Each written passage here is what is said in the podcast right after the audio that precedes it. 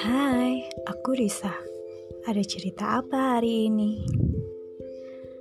Ada beban berat. Ada beban masa lalu yang belum selesai. Masa lalu yang tiba-tiba datang akhir-akhir ini. Jadi, semua ini berawal saat aku memilih untuk berteman dengan seorang lelaki. Posisinya, dulu aku udah kerja, dan dia kuliah semester akhir. Pacaran sih enggak, tapi komunikasi seperti orang pacaran. Untuk status masih teman. Iya, hanya teman, tapi mesra. Suatu waktu dia pernah meminta jadi pacar.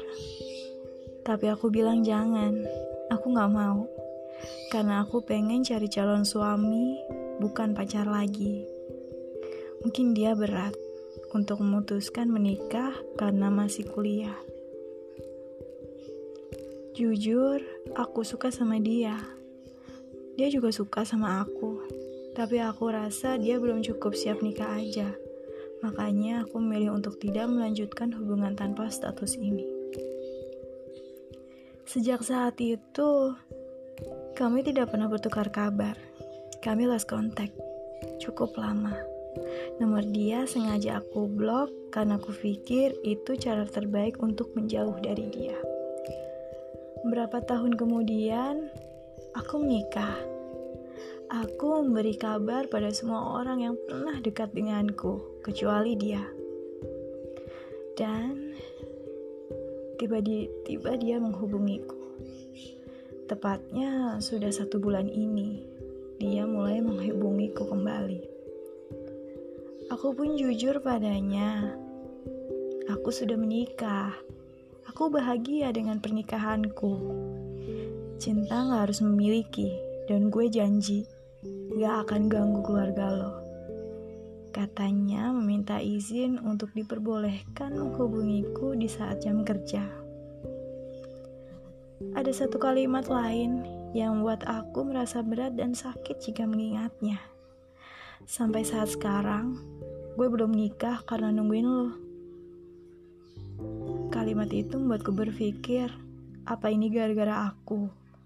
Aku yang minta untuk tidak berpacaran karena aku ingin mencari calon suami. Padahal saat itu aku tahu perasaan aku. Aku juga menginginkannya, tapi yang kulakukan, aku justru menjauhinya. Aku mulai terbiasa dengan sapanya sekarang. Tapi aku juga tahu jika terus kubiarkan sama saja.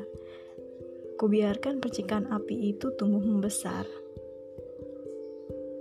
Tapi seakan aku terhipnotis oleh rasa bersalahku. Walau tidak nyaman, aku aku tidak bisa menghindari sapanya. Bahkan secara tidak sadar, aku tunggu kabar dari dia. Aku terus ladeni chat dia, tapi tiap aku meminta untuk berhenti menghubungiku, dia bilang, gue bisa berhenti chat kalau gue udah menikah. Dan ketika kartu tarot Risa dibuka, dia pun bercerita tentang hubunganku. Dari tebaran tujuh kartu, dia menganggap aku sebagai sosok yang dewasa. Berjiwa pemimpin, dia percaya diri bahwa aku akan membuka hatiku untuk dia. Dia terlihat cukup sabar. Walau aku menjauh dari dia, dia coba bersikap dewasa dan sabar. Dia cukup percaya diri untuk bisa membuatku tertarik padanya. Dia juga tahu betul dengan statusku. Dia bisa membuatku ada masalah, tapi yang terlihat dia sekarang beneran tertarik denganku. Dia menganggapku orang yang menyenangkan dan penuh cinta.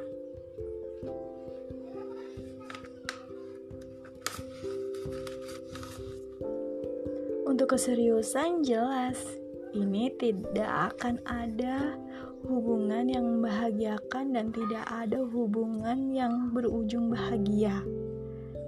Dia tahu hubunganku, dia tahu statusku. Dia tetap bisa berjalan walau tak ada komitmen. Aku pun bisa kapan saja pergi. Dia terlihat bisa menikmatinya. Sekarang yang aku rasakan, aku tak bisa lari. Ini salah. Ini keliru. Untuk meninggalkan dia sekarang ini berat.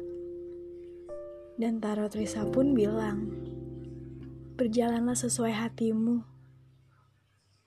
Ikuti intuisimu. Banyak kualitas positif dari dia, tapi ada sisi negatif dia yang akan membuatmu sakit. Itu yang harus kamu pikirkan. Yang terbaik saat ini, tinggalkan perasaan bersalahmu. Hidup dia cukup bahagia, walaupun terlihat dia belum menikah. Risa, aku ingin bercerita.